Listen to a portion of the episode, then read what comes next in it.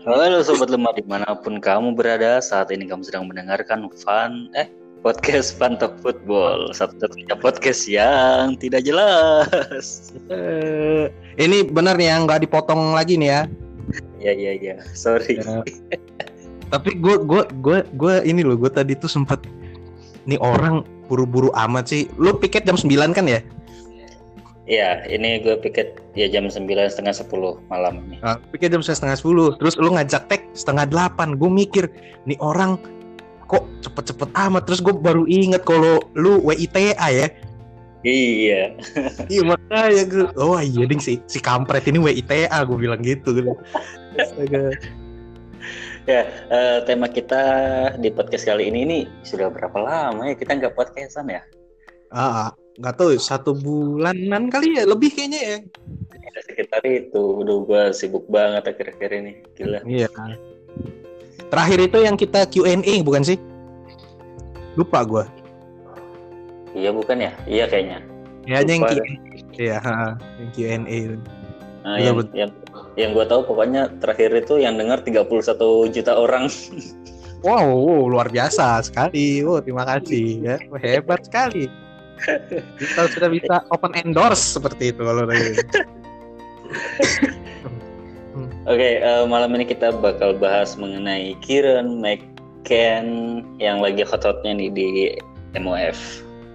Iya, betul, betul, betul. Lagi lagi ini ya nyuri pemberitaan banget lah ya di media-media luar. Meskipun memang ya sekilas aja gitu, maksudnya dia juga pemberitaan kan nggak terlalu banyak ya. Lu search di Google juga Kieran McKenna juga sedikit banget ininya referensinya gitu. Ya, makanya itu eh, makanya termasuknya informasi tentang Kieran ini cukup diburu juga sih karena Ya. sedikitnya referensi. Iya, betul, betul, betul. Ya, by the way, beberapa member gue juga ngerasa, ah bener nih, masa sih kayak gitu kayak nggak percaya gitu. Padahal kita udah mulai ngebahasnya orang dari musim lalu ya, atau awal musim ya, lupa gue. Kalau gue kalau gua dari awal penunjukan aja udah kaget sih waktu pertama gitu. Enggak enggak, maksudnya mulai menemukan fakta-fakta aneh tentang Kiren. Kalau gue dari dari nggak dari musim lalu sih dari yang oh kalau ini paling ya dari yang eh, lu lu pasti udah pernah baca kan yang katanya ada bocoran soal Fred itu Mm-mm. Itu habis itu ke masalah yang eh, di bulan Oktober yang persoalan di- sudah taktiknya sudah nggak disukain habis itu baru naik lagi beberapa hari terakhir ini dengan alasan yang sama seperti di bulan Oktober itu gitu. Ya, jadi memang apa ya? Gue jadi ngerasa kalau selama ini Oleh tuh nggak sepenuhnya salah, men. Ya bisa bisa bisa dibilang gitu sih. Cuman kan eh, otomatis begini loh. Kalau gue ngelihat kan ya Kieran kan juga sudah kerjasamanya kan sama Ole kan. Ya, Dia dia ada kerjasama kan dan di situ kan harusnya kan dua orang ini kan bisa eh, bisa bersinergi lah intinya seperti itu. Makanya waktu itu ada yang sempet nanya, gua- eh, sempet ngelihat komentar di FP itu, eh sorry di setanmerah.net itu dia bilang terus oleh terima-terima aja gitu. Nah itu yang gue pikir ya gue nggak tahu Hmm. sih gitu gitu.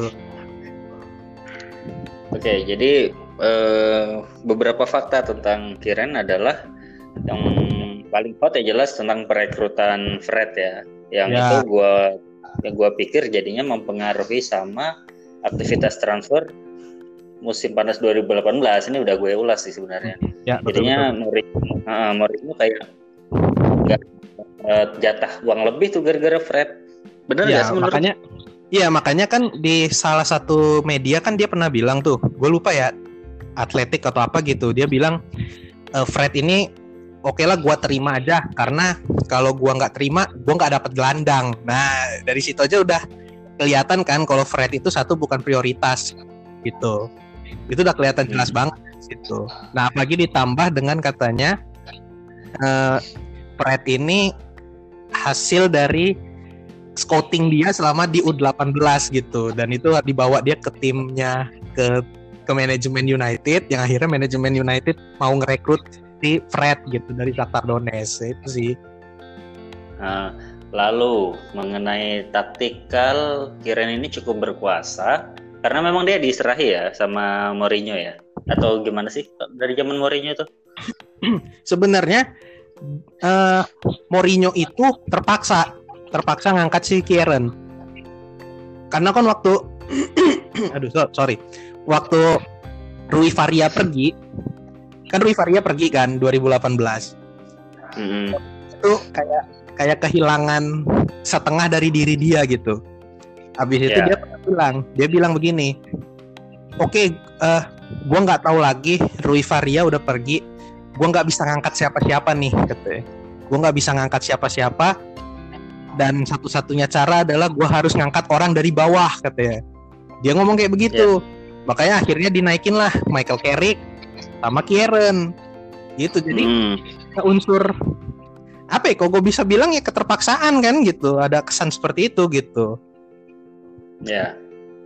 apalagi si Kieran sendiri ya you know lah pengalamannya bisa dihitung jari gitu ya yeah, terakhir klubnya kan Spurs U18 juga kan. U18 ya itu makanya dia belum terbiasa di situ gitu. Makanya gue selalu nekenin kan, lu punya tactical di tim muda itu belum tentu bisa masuk di tim utama yang punya pemain dengan karakter-karakter yang beda-beda gitu dari segi nasional na, eh, nasionalismenya kebangsaan mereka gitu kualitas mereka cara main mereka begitu mereka kan nggak nggak datang dari satu institusi yang sama gitu kan Beda kalau dia megang akademi U18-nya MU gitu. U18 ini kan semua kan sudah dari awal kan sudah bareng-bareng gitu kan istilahnya.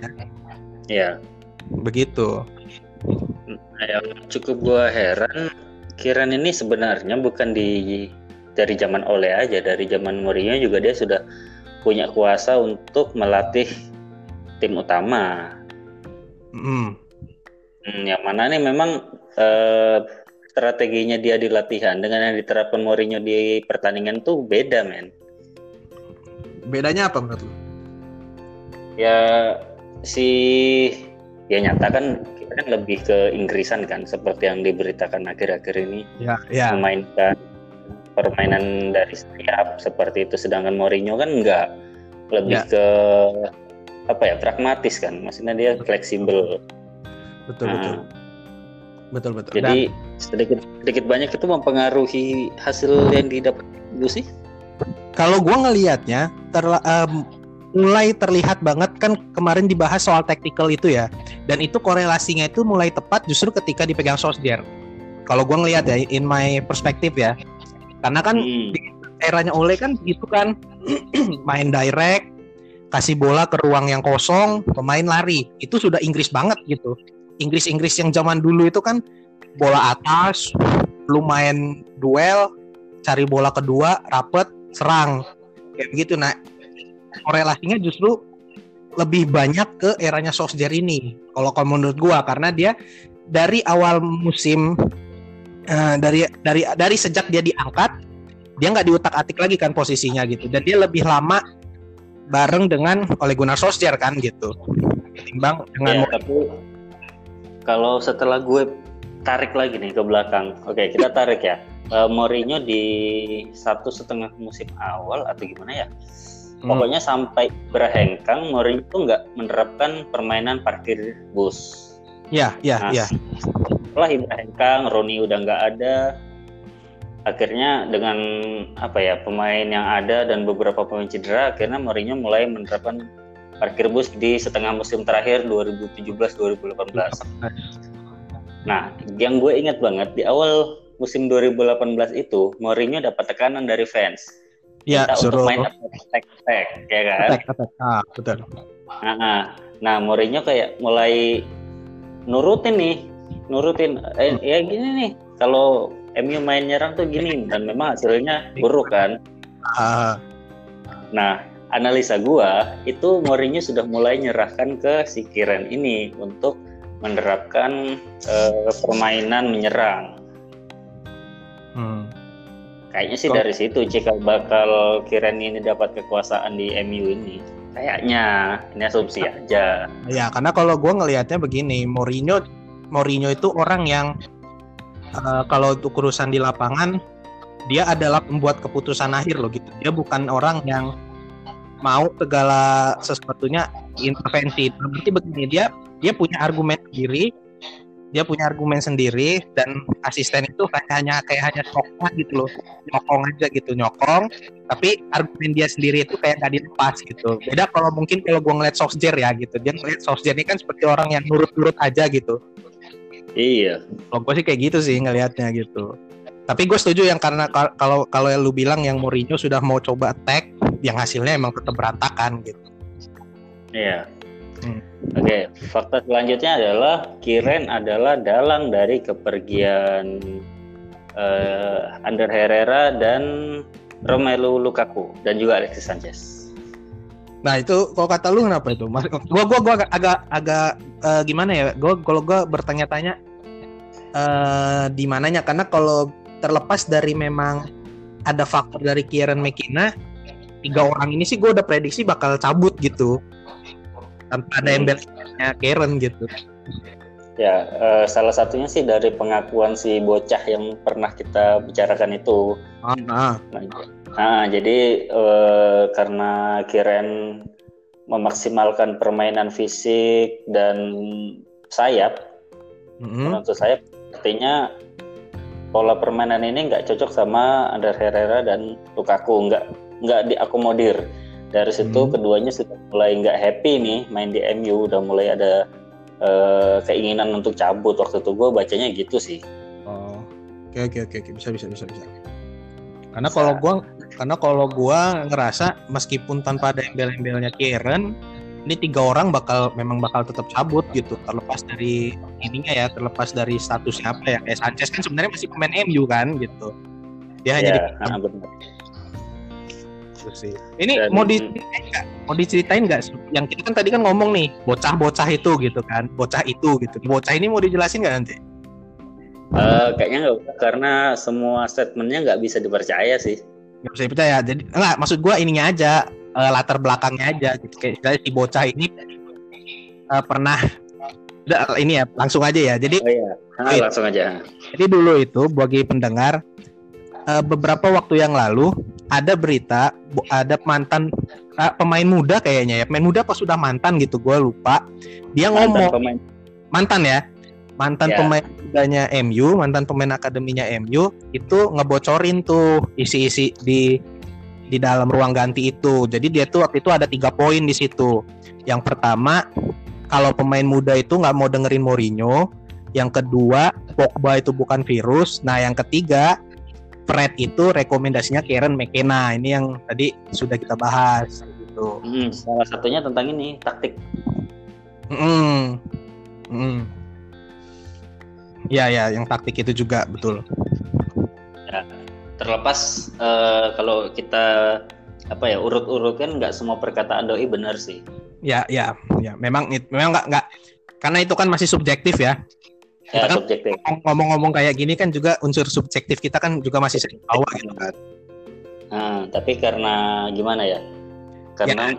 beberapa bulan terakhir kan gue kembali nih ke dunia hmm. sepak bola dan ya rupanya cukup make sense kalau memang wartawan itu punya info-info yang ya? Gitulah pokoknya. Ya apalagi dia pemain itu kan nggak nggak ketahuan namanya siapa kan gitu. Jadi kita bisa bisa mikir-mikir kan ini beneran ta beneran ta tapi kok ada benernya tapi kayaknya nggak mungkin gitu. Jadi kita lagi yang ngambil kesimpulan kan gitu. Nah, nah fakta selanjutnya yang lagi-lagi ini nggak tahu ya ini fakta atau asumsi gua ya maksud gua uh, oleh ini didikte sama Kiren dari awal hmm. Bisa jadi sih karena dia diserahin mandat kan gitu. Karena ada iya. yang bilang, karena ada yang bilang di di tempat latihan itu yang megang first uh, latihan tim utama yaitu Karen yaitu yang kalau gue bilang ya dia mau niru-niru Sir Alex gitu yang ngasih, nah, iya, iya. ngasih. Nah, gimana tuh gimana tuh Sir Alex dulu kenapa dan Oleh kenapa kan kalau Sir, Sir Alex kan dulu kan uh, di sesi di tempat latihannya itu dia kan semuanya diserahin ke Rene. Gak semua sih, maksud gue gini, sesi latihan tim utama itu Rene pegang. Makanya dia punya yeah, Rene yeah. kan dengan kolaborasi yeah. dengan Mike gitu. Nah, gue ngerasa Sosjer ini dengan ada pemberitaan ini, gue memikirkan kalau Sosjer ini mau meniru hal yang serupa gitu. Jadi latihan tim utama, Kieran McKenna yang pegang kayak begitu. Padahal ya padahal ya gue balik lagi ke faktor pengalaman sih gitu. Lu berani banget gitu ngasih ngasih pengalaman orang yang modalnya cuman tim junior. Taruhlah kalau Rene ya, Rene itu timnya abal-abal. Brondby, yeah. Qatar U18, uh, tim ecek-ecek lah gitu. Tapi ya, ya ecek sih kalau di level Asia mah itu tim-tim AFC coy. Iya iya tahu. Maksud gue gini, dia tidak bukan bukan tim yang kuat gitu. Bukan dia pernah melatih di klub besar kan gitu ya kan. Bukan berarti melatih negara besar juga kan. Apalagi kalau di Qatar pun itu masih zaman-zaman dulu banget sebelum bagi gue Qatar baru bagus setelah ada Aspire Academy gitu loh. Ya ya. Nah dia banyak pengalaman di situ sampai akhirnya diangkat jadi first team coach. Nah, hmm. oh, oke okay, sebelum itu sebelum itu gue mau terangin dulu ke uh, pendengar di Eropa itu beda sama di Indonesia ya. Di Indonesia itu pelatih yang kita kenal tuh uh, status pelatih kepala. Ya, ya. sementara bawahnya nanti ada asisten uh, dua pelatih kiper dan pelatih fisik. Nah, sedangkan ya. di Eropa yang dianut beda, yaitu manajer ada beberapa memang yang dia tidak mau mengakui kalau mereka itu manajer. Kayak gue lupa siapa ya, Pochettino apa ya? Dia bilang kalau dia adalah pelatih kepala katanya, dia bukan manajer. Iya, iya. Itu. Gue ingat, gue ingat. Mungkin nah, karena keterbatasan kewenangan. Iya, ada pembatasan kewenangan gitu. Ha. Nah, jadi dia, memang kalau di Eropa ini uh, pelatih-pelatih yang kita kenal tuh memang nggak cuma melatih tim ya, aja, kewenangannya uh, banyak aja. Betul betul betul. Jadi asisten pelatih atau di Eropa dibilang staff pelatih itu ya setara sama head coachnya di Indonesia lah. Ya. Oke lanjut ya. deh tadi soal itu. Ah, ah betul. Oke. Berarti ya, apa lagi? Lanjut. Lanjutin tadi tuh. Oh lanjutin tadi itu. Oke kalau ya itu aja sih kalau gue lihat balik lagi ke ujung-ujungnya pengalaman gitu kalau untuk Ferguson mungkin ya Rene lu lihat CV-nya deh pengalaman tuh perlu lo gitu sementara kalau Ole ini berani sekali kalau dia memang benar-benar seperti yang diberitakan memberikan first team coach dengan seorang Kieran McKenna makanya waktu itu Patrice Evra kan kaget Patrice hmm. Evra waktu magang di tempat latihan di MU dia kaget katanya sistem uh, sorry uh, aura latihan timnya itu berubah jadi merasa gitu. Malah ada yang bilang katanya kalau Evra ini sempat ngomong ini ini bukan penuturan Evra langsung sih tapi dia katanya itu uh, dituliskan kalau Evra ini seperti melihat anak-anak sekolahan yang lagi belajar main bola katanya seperti itu Wah, gitu. boom itu boom ya itu gitu puncaknya itu dernya itu kayaknya di situ gitu Ya tapi itu make sense loh men. Maksudnya kenapa oleh tiba-tiba ingin bermain secara Inggris padahal dia bukan orang Inggris. Ya kan? Yang kedua, kenapa kebijakan rekrutmennya lebih mengarah ke pemain-pemain Britania Raya? Kenapa oleh lebih senang memainkan pemain muda? Duh, ini pertanyaan ya? Ya itu itu pertanyaan retorik. Maksud gue Oh pertanyaan retorik ya. Kalau gue sih ngelihatnya ya dia apa ya, masih terjebak masa lalu sih. Ah, maksud gue gini, maksud gue gini, pemain muda itu nggak nggak salah. Mainin salah. pemain muda, mainin pemain muda itu nggak salah, asal asal ada keseimbangannya loh gitu. Iya, di tim oleh kan nggak ada keseimbangan itu. Apakah pemain mudanya itu sudah siap? Apakah di lapangan dia ada sosok leadership yang bisa lihat pemain muda itu gitu? Itu itu kan juga harus dilihat juga. Coba, coba lo pikir-pikir lagi kayaknya MU sekarang ini pendekatannya kayak tim MU U18 deh. Ini apa? Pendekatannya kalau kata oleh main FM itu uh, apa? Main santai. Uh, explore, hmm. explore diri kalian di lapangan. Gue nggak tahu lah bahasa Inggris apa. Gue nggak pernah main FM soalnya. ya itu sih. Ya ya kayak metode itu bersenang-senang di lapangan jadi agak gimana ya setelah tahu kalau ternyata Kiren ini yang menguasai MU parahnya lagi kenapa Ole mau mau apa ya mau memberi kekuasaan pada Kiren. Terus sih gue gua gua juga agak nggak paham di situ. Ya itulah tadi lah balik lagi kayak pengalaman ya. Gue nggak tahu sih kalau ngomong kayak ginian gue lebih seneng ngomong soal pengalaman deh. Kalau lu gimana? Maksudnya? Kayak pengalaman, pengalaman gitu, pengalaman dia belum pernah megang tim besar, jadinya dia nggak nggak nggak ngerti lo gitu dengan kompetisi Liga Inggris, kompetisi yang exposure gede kayak begitu. Iya, nah ini juga di Liga Indonesia sendiri gue pernah melihat secara gamblang di sebuah tim yang nggak pengen gue sebutin namanya ya. Ya. Eh, pelatihnya ini berasal dari Liga bawah nih, Ah, melatih tim Liga teratas. Nah Hmm. karena kurangnya apa ya metode latihan, pengalaman taktikal dan segala macam, akhirnya Hmm. yang menguasai sesi latihan itu memang asisten pelatihnya yang notabene dia sudah lama banget di tim itu gitu dan itu terjadi loh beneran ya berarti bisa aja kan, bisa bisa berarti begitu juga kan? Ya iya gue gue gue juga gue Iya sih bisa. Gue gue gua nggak gua nggak tahu juga sih ya kalau memang benar-benar kayak begitu. Ya gue gua nggak habis pikir aja gitu ya. Gue nggak bisa komentar banyak gitu. Ya mungkin memang settingannya mau dibuatnya seperti ini kali gitu. Yang harus berpusat dengan anak muda jadi pelatihnya harus pemain pelatih yang pernah megang pemain muda gitu Solskjaer suka anak muda gitu tapi ya balik lagi nggak lu nggak punya keseimbangan gitu. Iya jadi kalau gua pikir-pikir lagi kok kayaknya mirip ya. Apakah oleh ini dianggap kurang berkompeten di Liga Inggris sehingga dia harus diperbantukan dengan Kieran McKen? Maybe. Ya ya ya sebenarnya kalau mau ngelihat kompeten apa enggak lihat aja sih di, di Cardiff kayak gimana gitu. Ngomong-ngomong soal itu tulisan gua belum selesai tau.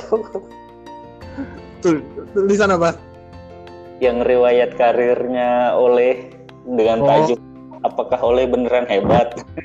Oh.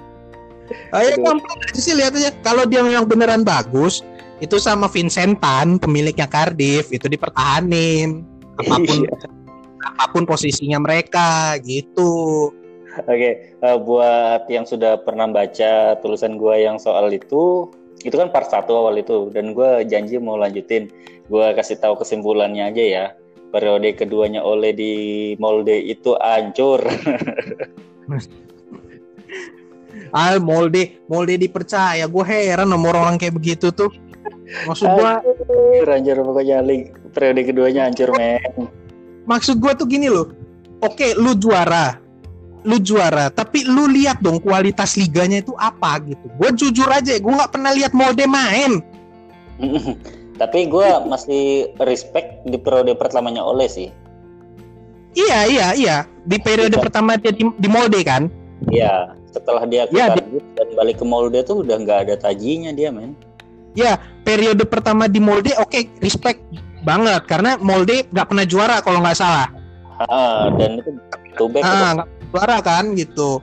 Tapi ya lu tetap nggak bisa nilai dia hebat.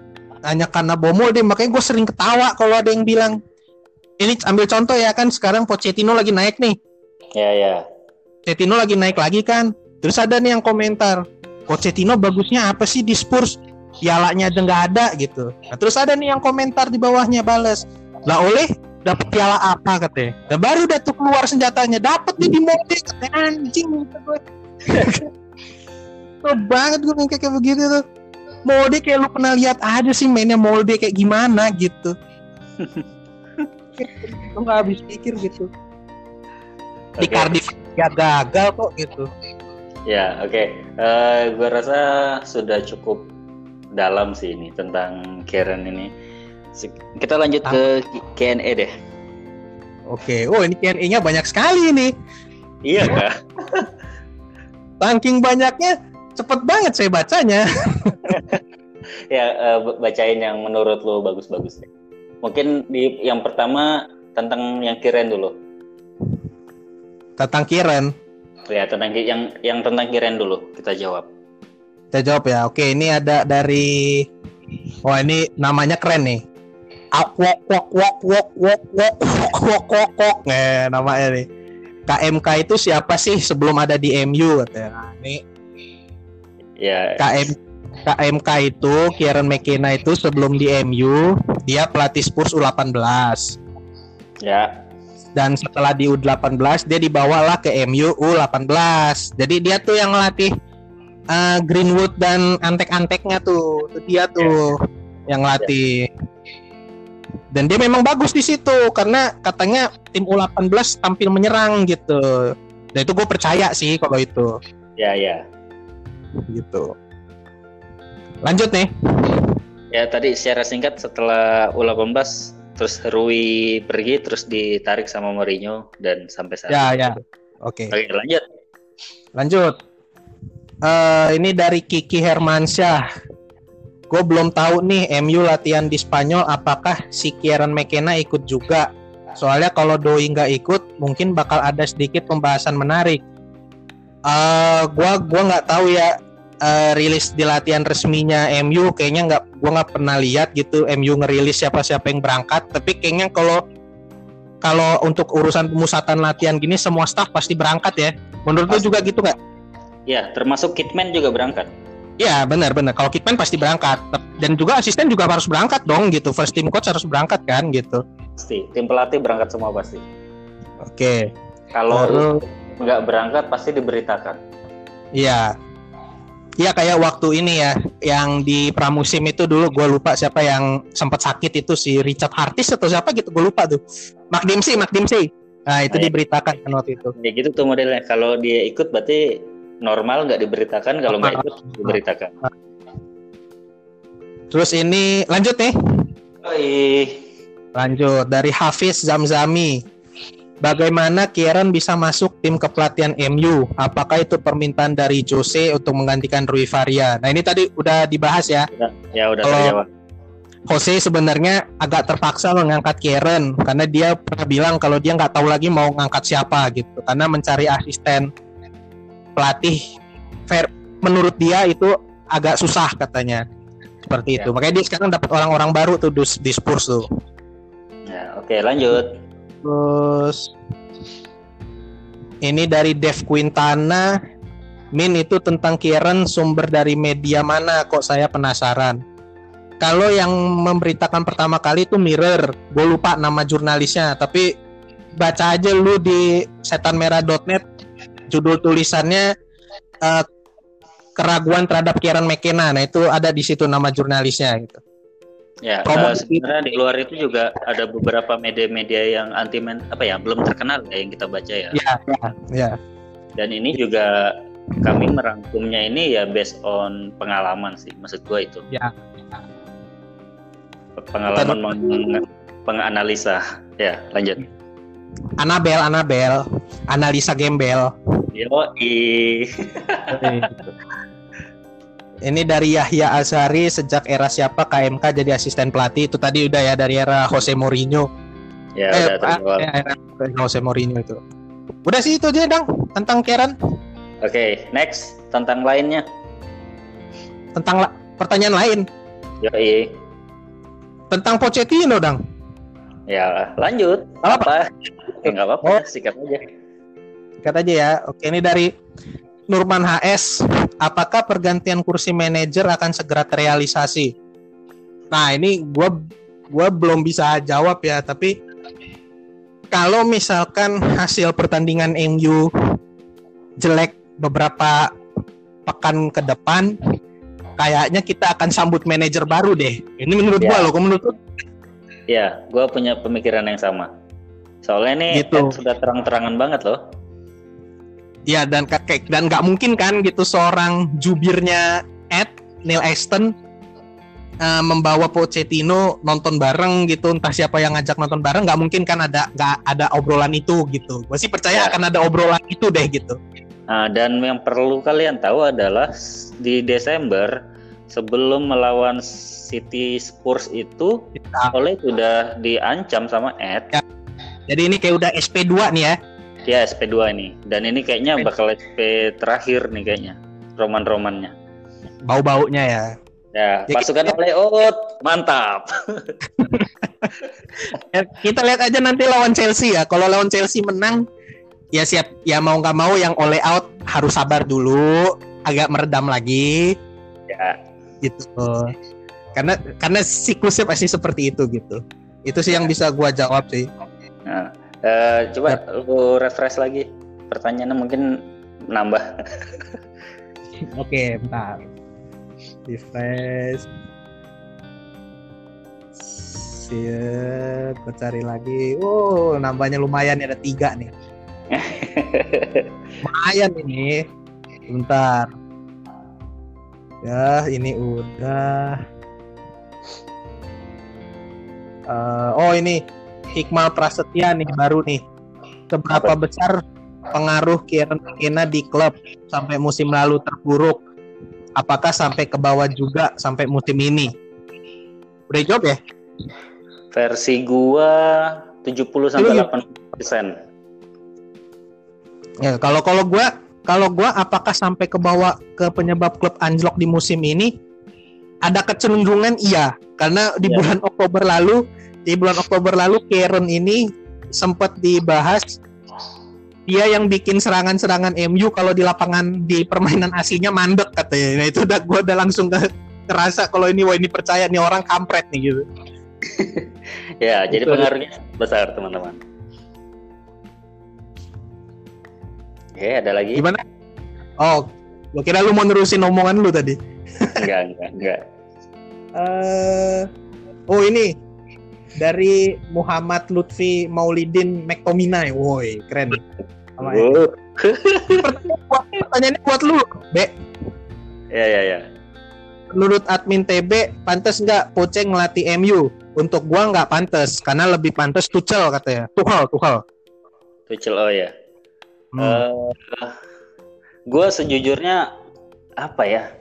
Ketika ini kan bukan pertama kali ya Poche itu dirumorkan ke MU. Hmm, hmm. Waktu masih rame-ramenya Poche di awal musim itu gue kayak kurang serak sih sama nih orang. Satu-satunya alasan adalah karena Poche nggak punya mental juara itu aja. Ah. Ah. Karena ya gue ingat banget sih waktu setiap menjelang akhir musim pasti Poche ini bilang termasuk yang di final Liga Champion ya kalau menang gue bakal senang selama seminggu kalau kalah ya udah gitu aja sih jadi eh, untuk sementara ini gue oke lah kalau Poche ke MU tapi catatan harus membawa staffnya sendiri Oh ya itu itu pasti kalau itu. Pasti kalau itu. Oke? Kalau kalau boleh Hmm, kalau gue boleh kalau gue boleh nambahin eh gue setuju sih sama lu maksud gue gini eh emang sekarang kalau MU mau ganti pelatih ada pelatih baru kita akan dilematis ya kalau mau jawab ya. Dia benar tepat atau enggak gitu. Karena kecenderungannya yang sudah-sudah kan gagal mulu kan gitu. Ya gitu sih kalau tapi kalau gue ngelihat Poche pantas atau enggak kayaknya setiap pelatih yang menurut gua bisa bawa timnya dari bukan apa-apa jadi tim yang cukup bagus meskipun dia nggak juara meskipun dia nggak juara dia kayaknya pantas-pantas aja sih di MU tapi dengan catatan itu sih dia harus didukung Ed Woodward manajemennya juga harus pilihan dia sendiri kayak begitu sih. Itu itu, itu kan juga ngaruh juga kan gitu. Ya dia punya leadership yang jelas. Gua gua gua belum lihat emang leadership ada di Poche gitu. Tapi leadership kan bisa bisa dilatih kan gitu. Hmm, tapi yang Kalau- jelas eh, ketika nanti Poche beneran datang, kita harus bersiap dengan permainan pragmatis lagi. Hmm Karena Ya, Poche ini, karena Poche ini kan dulu mantan back ya. Jadi dia Iya. memang jago banget membenahi tim dari lini belakang untuk menyerang ke depan tuh itu permainannya banget. Jadi siap-siap aja dengan permainan seperti itu. Jangan kaget maksud gua. ya tapi meski meskipun kalau untuk urusan pragmatis gua gua ngerasa Poche tetap tidak akan dinilai. Sekeras ketika ah sekeras ketika Mourinho gitu Ya benar. Karena memang nggak nggak separah itu cuma memang kalau gua mati di Southampton ke ke Spurs juga dia punya kecenderungan main bertahan juga sih sebenarnya. Iya iya kalau kalau kecenderungan main bertahan sih eh, semua pelatih juga ada gitu. Tapi tapi kalau tapi gue ngerasa kalau pragmatisnya Pochettino itu tidak akan membuat dia dihakimi seperti Mourinho. Kalau gue sih gitu. Ya benar benar benar sekali. Ah, kalau gue gitu. Terus apa lagi ya? Hmm, udah habis nih kayaknya deng. Ya kalau sudah habis, kalau gitu kita juga habisin. Ntar refresh sekali lagi ya, sepatu ada ada yang masuk. Iya iya iya. Ya. Terus kas kalau nanti ada yang ini lagi, kalau ada yang udah kalau ada yang masih nanya kitanya udah selesai tag, ya ya mohon maaf ya gitu ya. Iya udah lewat berarti. Lewat ya berarti ya. Dia ada tambah satu lagi nih kayaknya nih. Ntar. Oke pertanyaan terakhir ya. Ya, ya uh, tar dulu, tar dulu. Kita lihat dulu. Oh nggak nggak ada nggak ada. Ini komentar terbarunya angkat. Gitu apa lagi? Oke angkat. Oke, uh, teman-teman ini juga sekaligus mengakhiri apa ya? Kalau gue bilang seriesnya si KMK di MUF nggak bakal bahas lagi. Kita mungkin buka obrolan baru lagi nanti. Eh kapan-kapan ini dong.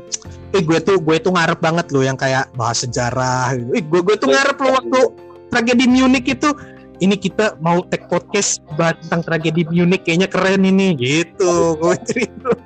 Kemarin gue tuh pengen ngajakin lu banget pas tragedi Munich itu karena gue kepikiran gini uh, MU itu nggak seharusnya merayakan atau mengingat lagi tragedi Munich. ya. Bahasa kasar gue MU ya bukan fans ya MU Manchester ah. United harus menghapuskan sejarah tragedi Munich. Ayo. Wow radikal ah. banget itu. Banget. Lu bakal jadi bulan-bulanan lu kalau ngomong begitu lu. Untungnya udah iya. Tapi kalau gua... mau kalau mau bahas lagi 2021 uh, enggak. Mungkin next podcast kita bakal bahas itu. Kita pasti punya punya argumen yang beda nih. Oh kayaknya tapi bahas-bahas sejarah gitu asik juga ya kayaknya. Iya iya. Boleh boleh deh. Nanti. Kapan, ya kapan-kapan Oke deh kalau gitu sekian gua TB dan rekan gua. Ya. Aji Rahmayadi. Ya, mohon maaf okay. kalau banyak kekurangan teknis di podcast ini. Semoga tidak mengurangi esensi dari obrolan tidak penting ini. Iya, oke, okay, benar, benar, benar. Oke, okay, gue dari Samarinda, Kalimantan Timur, mohon undur diri. Ya, saya dari Bandar Lampung. Dadah. Ya, bye.